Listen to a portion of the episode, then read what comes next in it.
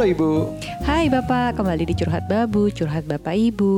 Yeah. Selamat Hari Raya Lebaran dan minal aidin wal faizin maaf lahir batin semuanya yang dengar.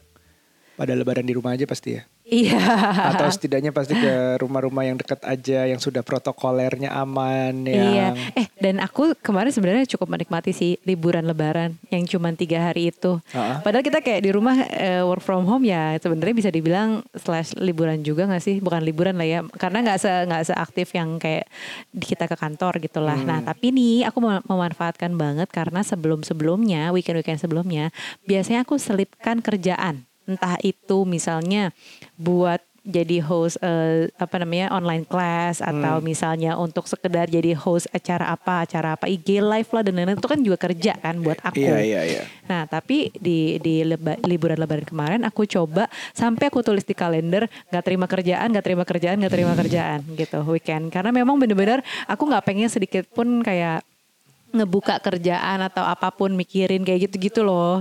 Oke. Jadi aku cukup menikmati tuh kemarin nggak ngapa-ngapain walaupun sebenarnya tergoda aduh gue pengen ngemail si ini deh misalnya si klien gitu ya pengen cuman kayaknya gue nggak sopan banget ya ngemail klien di lebaran Ka- Kamu sampai harus itu ya, sampai harus bilang ke diri sendiri ny- nulis di kalender ya, nggak terima iya, kerjaan. karena ya. kadang-kadang tuh gue gak enakan. Ya udahlah, gak apa-apa lah, terima aja.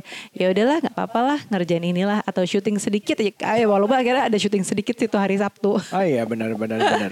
Tapi ya udahlah, ya udahlah gitu kayak ya udahlah gitu. Nah, jadi aku memanfaatkan banget kemarin ya Lebaran lumayan deh nggak nggak megang kerjaan samsek. Lebih tenang ya. Mungkin ada beberapa yang lebaran kemarin agak sedih karena nggak bisa ketemu keluarga Mm-mm, aku atau melo sih. atau mudik eh, tapi dikompensasikan dengan ya harusnya masih bersyukur masih sehat, masih diberi Iya, dan kita masih menjaga protokol untuk untuk nggak bersalaman sama orang Iya. tua kita sendiri, kita nggak ada peluk-pelukan dan eh, apa bahkan sharing keluarga makanan aja nggak tuh? Enggak, dan bahkan di keluargaku aja kita nggak turun ke rumah ya, Iya. bener-bener di mobil aja. Tapi aku ngeliatin orang lain lah di Instagram Story kok pada kumpul-kumpul aja ya. Dalam hatiku, Syaul kemarin-kemarin gue ngejaga biar nggak terkontaminasi apa gimana-gimana lah. Ini kok ngeliatin orang-orang pada Mungkin mereka ada protokoler kali. ya. Kita no positif aja lah. Mungkin mereka Oh protokoler iya mungkin udah mungkin apa nggak mungkin tahu mungkin, deh. mungkin mungkin. Hari ini kita mau baca uh, sebuah surat, sebuah email yang masuk ke kita tentang anxiety pernikahan.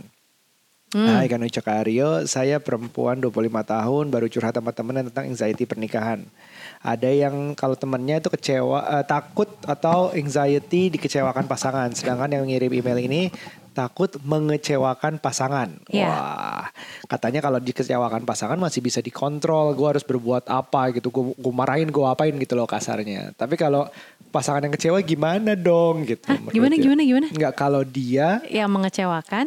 dikecewakan, Dikecewakan. kawa- uh, pasangan, dia masih bisa berkontrol tindakan gue responnya apa. Ah, iya. Gue mau marah, mau Ah. tinggalin, mau apa gitu, mau Ah, maafin.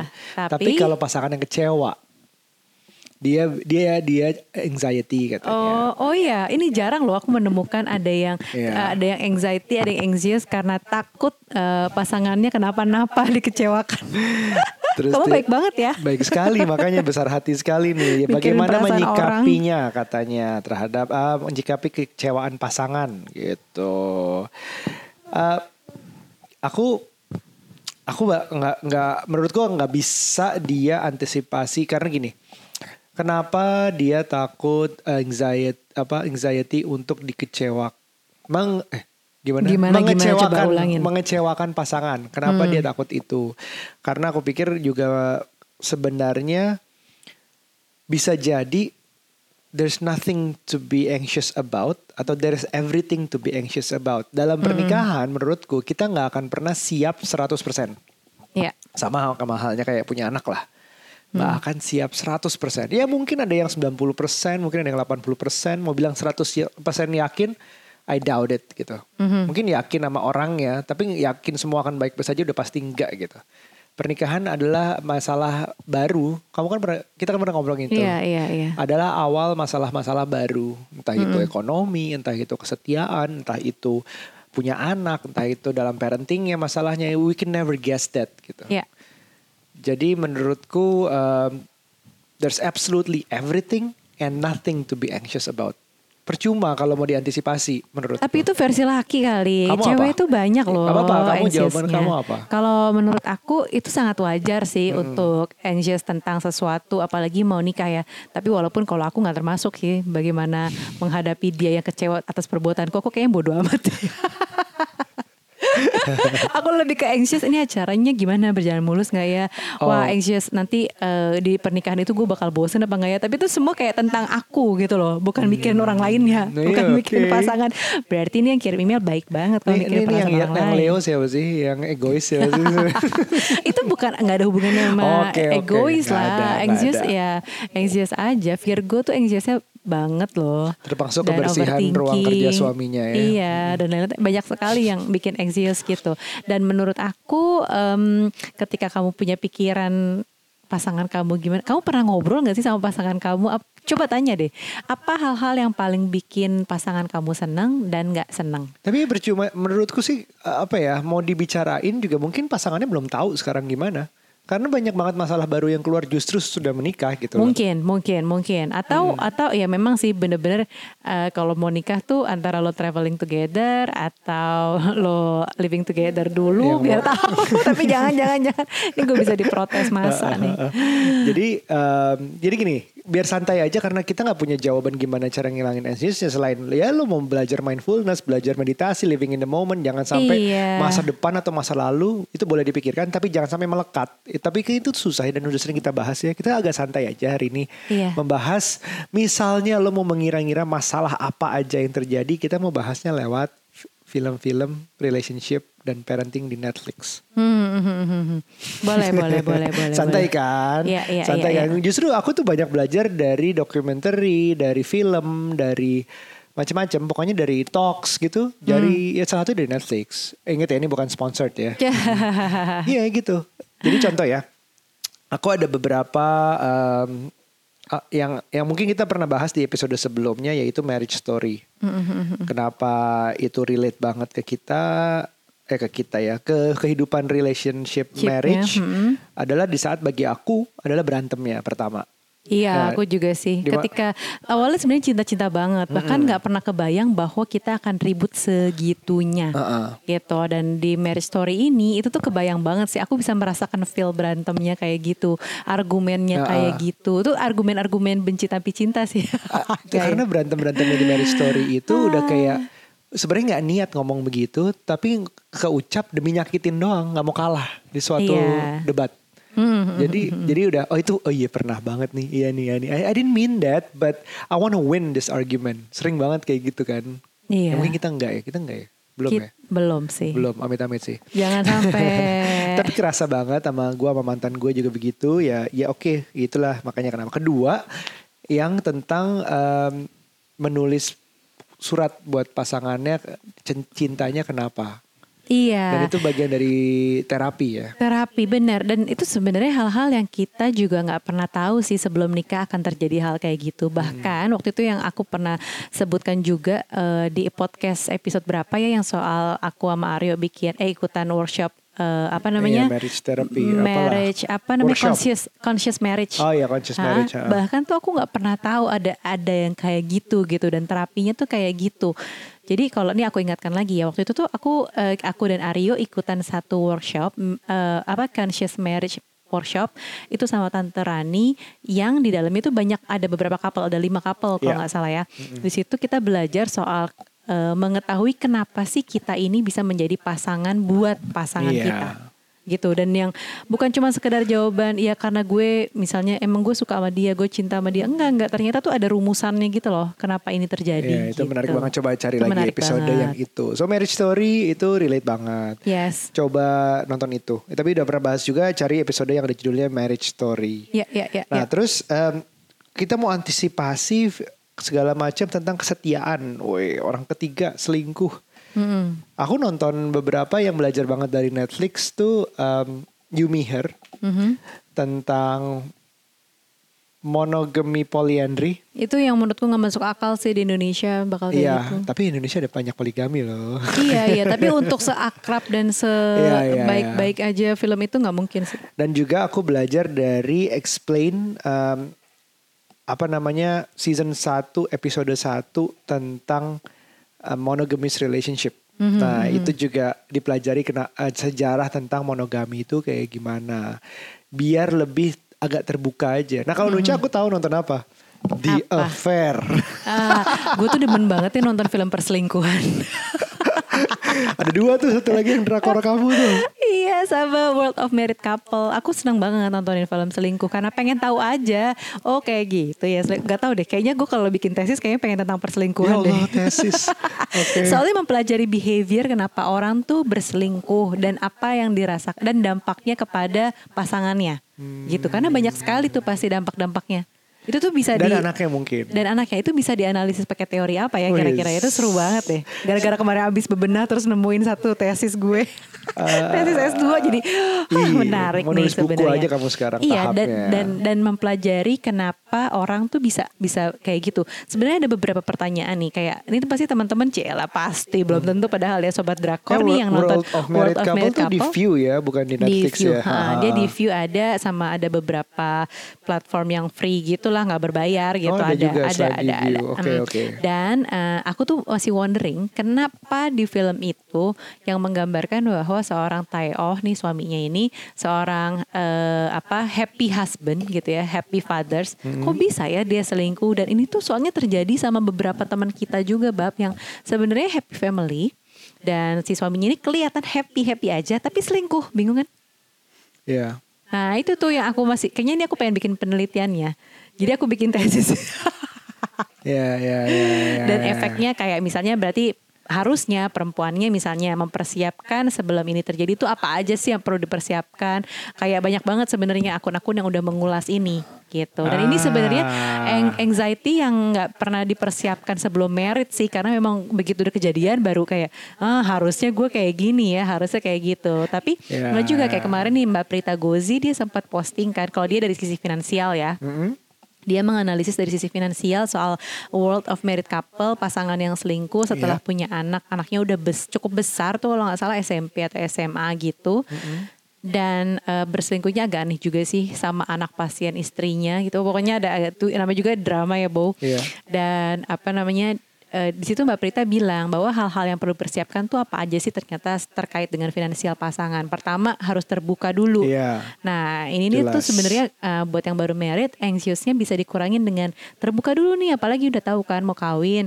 Coba aja terbuka soal kayak gajinya berapa, behavior kamu tuh kalau belanja Hmm, gimana, terus kayak punya visi misi yang sama soal ke depannya mau tinggal di Hmm. Mana, terus mau punya anak berapa, itu ngaruh loh ke depannya kayak apa gitu. Itu mengurangi anxi- uh, anxiety, Anxiety, menurutku. ha-ha. Terus kedua Mbak Prita juga sempat bilang soal kayak perempuan tuh harus eh, mandiri secara finansial. Either itu dia bekerja masih tetap bekerja kantoran yang kantoran atau punya Usaha. usaha ya usaha gitu kan. Tapi setidaknya dia punya punya uang sendiri Hmm. gitu. Karena kalau terjadi hal-hal kayak gini kayak perceraian Bener. atau perselingkuhan itu itu ya sayangnya takutnya nggak menguntungkan buat pihak perempuan yang misalnya diselingkuhi atau Bener. jadi Ditinggal pihak yang lemah. tiba-tiba Ah, atau ah. apa. Nah itu yang bikin shock gitu Karena kan. walaupun misalnya ya kita ngomongin misalnya ngomongin perceraian terus perempuan ditinggal gitu aja diselingkuhin pun walaupun masih terima tunjangan atau apa tapi kalau ditinggal nggak berdaya itu yang juga berat sih maksudnya dia nggak bisa nggak gampang misalnya jadi nggak gampang nyari kerja Iya, gitu gitu jadi tetap gitu-gitu. harus berdaya kaca kuncinya mungkin berdaya? Berdaya, bukan uangnya ngapain, ya iya. tapi kemampuan untuk berbuat sesuatu sendiri iya, menghasilkan once kondisinya nggak baik lo akan melakukan apa gitu Ap- eh, untuk pegangan lo itu Iya. sih. Terus kemudian eh, apa namanya?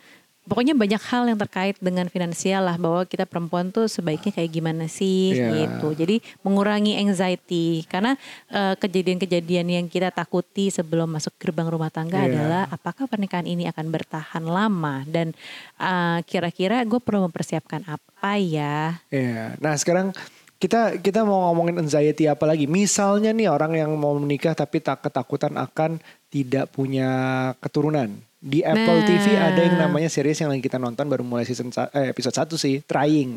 Oh iya. Nah, Trying ini tentang pasangan yang susah cari eh, punya anak dan dia ya masih gagal gitu ya. Kita pernah ngalamin hal itu sampai tiga tahun. Iya, iya Nah benar itu juga benar, bisa benar. jadi sumber anxiety, sumber masalah. Lu mau mikirin Aduh nanti gimana kalau nggak punya anak? Iya, Nah, apalagi buat perempuan yang mungkin mau nikah dan tahu bahwa kayak eh, menstruasi gue ini nggak teratur atau menstruasi gue sakit banget atau Hmm. pokoknya tahu bahwa menstruasi gue ini bermasalah karena aku dulu kayak gitu. Iya. Jadi pas mau mau nikah gitu bahkan sebelum nikah dari masa ke masa kuliah gitu gitu aku tahu bahwa menstruasiku tuh nggak teratur. Terus kayak suka sakit. Nah, menurutku nih kayaknya nggak wajar deh kayak gitu gitulah. Iya. Nah, itu yang menjadi ada ketakutan pas nikah tuh kalau gue nggak punya anak gimana ya kayak gitu gitulah. Nah, ternyata justru jawabannya adalah terbantu kalau kita terbuka sama pasangan sih. Dan pasangan akan berbuat kayak apa kalau misalnya kita perlu waktu beberapa tahun Iya. untuk sampai punya anak siap atau enggak terus secara Betul. finansial kita siap nggak ya gitu karena nggak gampang loh secara finansial karena bolak balik ke dokter bahkan tiap bulan dan lain-lainnya Terus mau mikirin apa lagi? Mau anxiety about kalau udah bisa punya anak, terus anaknya ternyata kebutuhan khusus.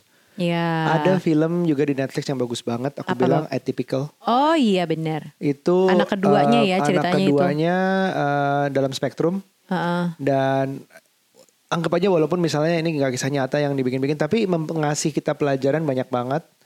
Eh, bagaimana cara menghadapi eh, mendapat kehidupan yang layak juga segala macam tantangannya apa sampai stresnya orang tuanya berbuat ke akhirnya ibunya juga.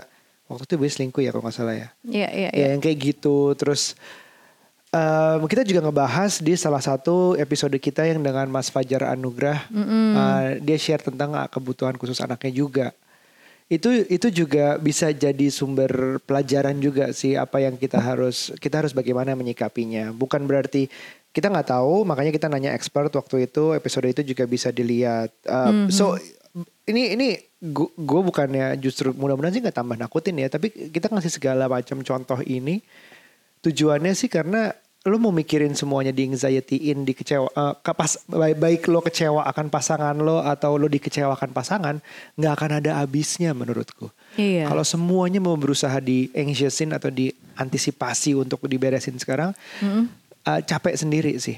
Akan Terus- terlalu terbawa ke masa ke depannya Iya. ada satu ada satu film terakhir nih yang aku menurutku juga kamu ada lagi gak sih Ada ada. Oh, Kalau aku eh, anxiety-nya seorang perempuan yang masih pengen bekerja dan lain-lain ya. Apa? Itu tuh ada satu series Working Moms. Oh, Aku suka banget sekarang iya, udah udah episode keempat dan Season- season menurutku lucu. Eh aku baru bilangnya apa barusan? Episode. ya. Nah, season empat. Maksudku season 4 dan menurutku seru banget karena menggambarkan epi- eh, season 1 tuh lucu banget karena gila ini gue banget, gue banget nih. Gue juga merasakan ini gitu dan teman-temanku juga feedbacknya kayak gitu terhadap si season pertama. Tapi Ah. begitu season kedua, ketiga gitu udah mulai agak beda sih sedikit-sedikit berbeda. Aku nonton loh. Iya kamu ikutin Ah, juga dan ah, ah. lucu banget kan karena itu sangat banget, relate, sih relate menurutku. banget. Working moms, ah. Working moms dan kerjanya beda-beda. Ada yang kerjaannya part time, ada yang kerjaannya full time gitu di kantor, Ah. ada yang apa-apa gitu. Kayaknya lucu banget gitu. Itu itu relate banget sih di mana dia em, wah ada Dia perselingkuhan, ada perselingkuhan, punya anak nyusuin terus segala masalah macam. manajemen waktunya, Ah, anaknya segala karir. macam, karir, terus belum lagi berantem sama suaminya, tapi tetap harus kerja, terus belum lagi kalau ada hubungannya naksir klien apa naksir bos gitu-gitu Iya, tuh iya. lucu banget sih. Itu itu santai loh. Itu bahkan eh, nggak nyangka itu ternyata eh, Canadian movie. Oh, itu dari Kanada itu. oke. Eh, settingannya, aktor-aktornya, aktris-aktrisnya segala macam tuh Kanada bagus. Itu reference dari lebih seger lah di sekali dari kalau setiap hari liatnya Hollywood mulu lumayan. Kadang-kadang aku suka kan film Eropa, film Iya, iya. apa. Terus Tapi ada satu film lagi yang bikin aku anxious ya sebenarnya ini nggak relate ke pernikahan sebenarnya. Eh, tapi eh, relate ke aku yang sekarang udah nikah sebenarnya. Ngelihat dapurnya Nadia Ah, iya. di si- di seriesnya Nadia's Time Bikin to BM Eat. tuh. Itu BM banget asli ya kalau misal teman-teman udah pada nonton eh, serinya Nadia's Time to Eat di Netflix itu lucu banget karena eh, lucu banget dapurnya gemes gitu kayak tahu gitu gue bikin kayak gini ya dapurnya kenapa ya gue nggak kepikiran kayak gini ya terus kayak aduh gampang banget ya ternyata masak karena di situ di di series ini disebutin bahwa Nadia ini bikin channel ini bikin bikin tayangan ini supaya orang-orang tuh punya eh, waktu yang sangat efektif antara membagi kerja namanya juga ibu-ibu ya antara kerja dan punya anak Jadi gimana cara masak yang pintar gitulah biar waktunya nggak banyak kebuang buat masak Iya, gitu. betul. Dan antara ibu bekerja atau ibu yang di rumah aja tapi kegiatan anaknya banyak banget. Jadi dari satu kegiatan-kegiatan lain biar punya anaknya punya snack, biar anaknya punya makan. Aduh lucu banget ya pokoknya. Nih kamu ny- nyelipin yang di luar pernikahan nih. Nggak apa-apa. Ya lagi lagi suka banget soalnya nih, Ca. Lagi suka banget. Aku terakhir mungkin mau em, apa ya? Tadi sebenarnya ada beberapa yang aku masih nonton juga. Misalnya em, apa namanya? Easy, Love itu aku nonton juga. Dan yang kalau mau psychopath, psychopath gitu terakhir kita nonton bareng You. Hmm, iya, iya. aku kayak senang yang psikopat gitu sih sebenarnya. Eh, you itu kan tentang apa namanya eh, posesif yang ke level-level berikutnya cinta banget tapi bisa sampai segitunya itu juga iya nggak sampai ngebunuh-bunuh atau nyiksa atau nyakitin sih tapi somehow relate-nya bagian posesifnya kalau orang posesif tuh kayak gimana dan yang nggak sehat tuh kayak gimana Iya, dan sambil aku juga mempelajari satu series tentang pernikahan ya walaupun kita nggak relate-relate banget tapi satu satu series namanya Unorthodox. Kalau misalnya teman-teman udah pernah Ah. nonton atau belum nonton coba deh nonton. Itu bagus banget. Memang agak beda dari eh, dari kita yang lebih banyak majority Islam ya apalagi Ah. kita juga Islam nih. Eh, memang agak berbeda tapi ada ada sedikit samanya dengan ajaran-ajaran pernikahan di ortodoks gitu di Hmm. mereka yang Jewish ini. Eh, ternyata di Jewish ini bahwa pernikahan itu udah dijodohkan Hmm, gitu. dan perempuan setelah menikah tahu nggak sih mau Ewita aja mau uhuk-uhuk itu tuh dia harus dijadwalin. Cuman boleh di hari tertentu di jam tertentu dan itu tuh cuman di waktu itu doang yang suami istrinya tuh boleh boleh tidur bersama. Jadi Iya. kalau misalnya kita lagi perempuan yang lagi menstruasi itu nggak boleh tidur satu kasur yang sama itu kan aneh banget. Itu yang Dan- very very em, apa namanya konservatif ya? Iya, dan perempuan itu di, di dalam di dalam film itu ya, pokoknya diceritakan bahwa Jewish ini eh, kayak mengharuskan atau perempuan itu harus beranak terus, Hmm, bikin anak sebanyak-banyaknya. Karena mungkin populasi mereka yang Jewish ini kan juga terbatas iya, sekali iya, ya. iya. Mungkin ini buat memperbanyak keturunan biar tetap ada Bisa gitu loh jadi, komunitasnya. bisa Bisa, jadi kayak jadi. gitu gitu. Cuman eh, lucu aja bahwa bahwa pernikahan tuh dibuat seolah-olah bukan untuk menyatukan atau visi misi suami Uh-uh. dan istri, tapi lebih ke bikin anak dan menghasilkan Iya. anak yang banyak gitu.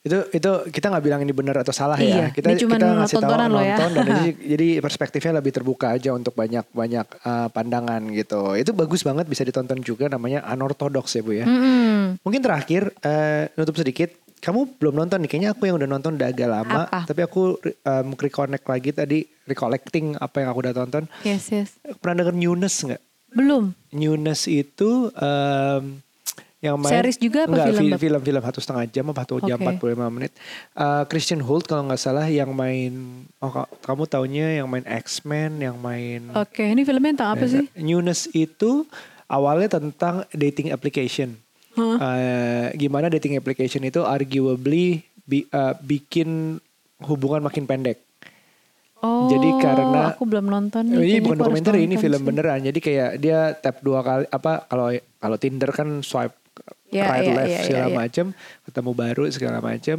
Tapi ternyata menurut film itu orang tuh masih craving suatu hal yang baru terus. Hmm. Jadi kayak kalau sederhananya mungkin sehari-hari barang baru, gadget baru lah, uh, pergi ke tempat baru lah, Iya, iya, iya, iya, uh, iya. apa baru lah gitu-gitu berusaha baru terus. Uh, Dalam aplikasi itu um, dengan cara modern atau lama pun ada sesuatu yang baru terus yang harus dicoba. Jadi pasangan ini walaupun udah dapat sering ganti pasangan lewat dating application begitu nemu yang cocok pun akhirnya mereka masih mau mencoba kebaruan bareng. Jadi seperti um, seeing other people, experimenting, experimenting gitu, Ya, ya, ya, yang segala macam ya, gitu. ya, ya. In a way mungkin gak se ekstrim itu, tapi ada Ah, iya, bisa dalam ngerti sih. manusia itu pengen eh, ada rasa bosen dan pengen sesuatu yang baru. Iya, iya, Nah iya. itu benar. challenge dari kita untuk nggak nurutin semuanya, Iya. berusaha nurutin yang boleh-boleh, tapi nggak semuanya kayak ganti pasangan gitu loh. Iya, ini, ini caranya? bisa jadi anxious buat yang baru mau merit sih, membayangkan kayak waktu itu aku gue bakal bosen gak ya? Iya. Nanti kalau gue bosen gimana dong? one Kalau person sekarang for the rest of your life ideally Iya, kan. kalau belum kalau belum nikah masih pacaran doang kan gue masih bebas ya mau WhatsApp siapa kek, mau gue pergi ketemuan sama siapa kek. gitu. Tapi kan kalau udah nikah agak susah ya. Jadi jadi bagus sih. eh, eh, bikin mikir juga oh iya ya selain adegan banyak adegan seksnya juga oh lumayan, lumayan buat aku oke. cuman cuman em, apa bikin mikir juga oh iya oke kalau experimenting tuh larinya ke mana ya Eh, apa cuman apa ya apa cuman curiosity saat karena misalnya kita nemu sesuatu yang baru gitu ya apa yang menghentikan kita untuk menemukan sesuatu yang baru lagi Hmm. gitu loh. Kalau kalau setiap nafsu yang baru itu dituruti di mana kita stopnya? Pengen tahu gak pengen tahu aja kayak gitu kayak gitu bikin mikir bukan pengen tahu bikin Iya. mikir. Jadi gitu. Jadi kita ada beberapa film yang tadi harus dilihat mungkin sebagai referensi atau apa ya? Bukan cuma Netflix kok ini nggak disponsorin juga. Um, di Netflix ada Marriage Story You Me Her uh, Explain terus ada You Easy Atypical um, The Affairs-nya Nucha ada kalau di View ada World of Married Couple oh Nucha juga ada di Netflix Unorthodox Mm-mm. Ada ada working moms. ada Working Moms ada um, itu apa namanya di Apple TV ada Trying untuk Iya. yang baru um, Trying to Conceive terus ada terakhir dari gue ya Newness dari Netflix juga Ya. jadi em, tujuannya adalah kalau mau coba menggambarkan bentuk kekecewaan seperti apa yang kekecewaan yang belum tentu terjadi itu potensinya banyak banget yang bisa kecewa gitu dalam hal apa pun. You can be anxious about everything but you can also be anxious about nothing at all gitu. Jadi it's a matter of choice sih. Gimana kita settle dengan diri sendiri. Oh, Oke, gue siap atau gue nggak siap. Bahkan bisa aja sih kalau abis nonton apa dari denger podcast ini nonton semua episodenya tiba-tiba nggak jadi nikah, ya bisa aja mungkin Hmm. Bisa mendapatkan aja. jawaban yang sebenarnya seperti apa. Iya, iya. Tapi we do hope you find it yourself. Hmm. Um, apa yang terbaik, apa yang anxious about, apa yang harusnya di anxiousin atau mungkin nggak sama sekali gitu. Iya, iya, iya. Semoga berguna ya. Semoga berguna. Karena kita rekamannya juga kayaknya ada orang ketiga di sini. Ada yang Aira. yang ngelendot di ngelendot di Nuca nih kayaknya baru bangun tidur siang mau butuh orang tuanya ya. Mm-mm. Oke, ya udah kita udahi dulu. Um, sampai ketemu di berikutnya. Semoga ini berguna. Bye. Bye.